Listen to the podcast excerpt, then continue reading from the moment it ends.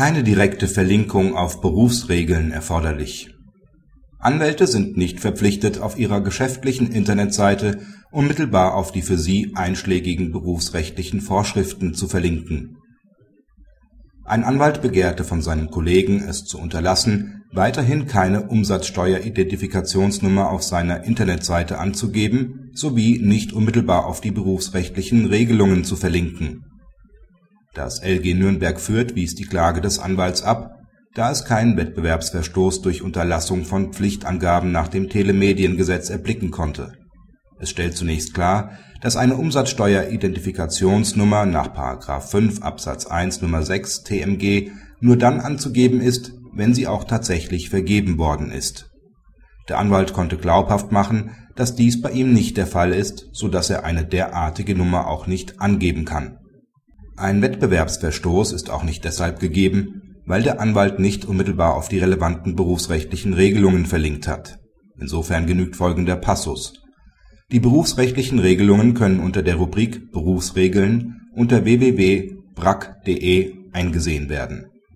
Klickt man diese durch Unterstreichung hervorgehobene Internetseite der Bundesrechtsanwaltskammer an, kommt man unschwer auf deren Startseite, wo wiederum ein Link zu der Rubrik Berufsregeln möglich ist. Nach dem ausdrücklichen Wortlaut des § 5 Absatz 1 Nr. 5c TMG ist es nicht erforderlich, dass ein Diensteanbieter auf seiner eigenen Internetseite die berufsrechtlichen Regelungen selbst wiedergeben muss.